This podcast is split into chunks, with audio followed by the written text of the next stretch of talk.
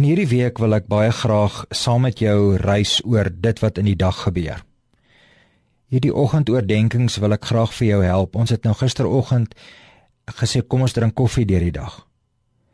Met die uitsluitlike doel om waarmee kan ek help? Vandag wil ek vir jou vra, wil jy nie 'n boom plant nie? Jy ken mos nou die storie van die oom wat mango bome geplant het. Die oom wat baie oud was.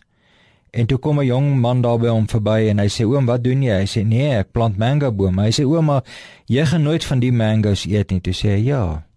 Dis hoekom ek hulle plant. So ek wil hoor of jy nie vandag 'n boom wil plant nie. Hoekom wil ek dit hoor?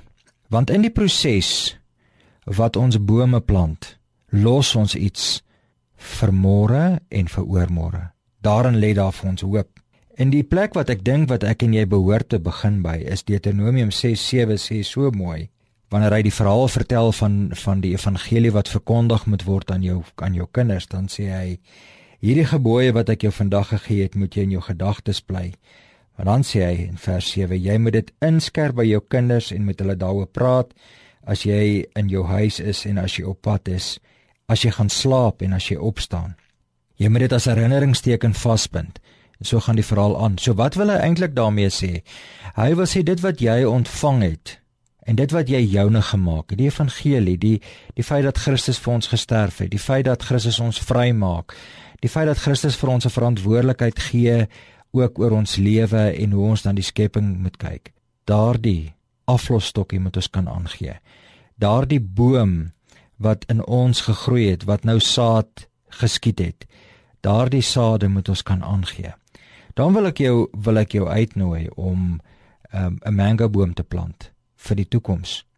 Want wat sê jy ook daarmee? Jy sê ook daarmee dat jy die Here vertrou met die toekoms.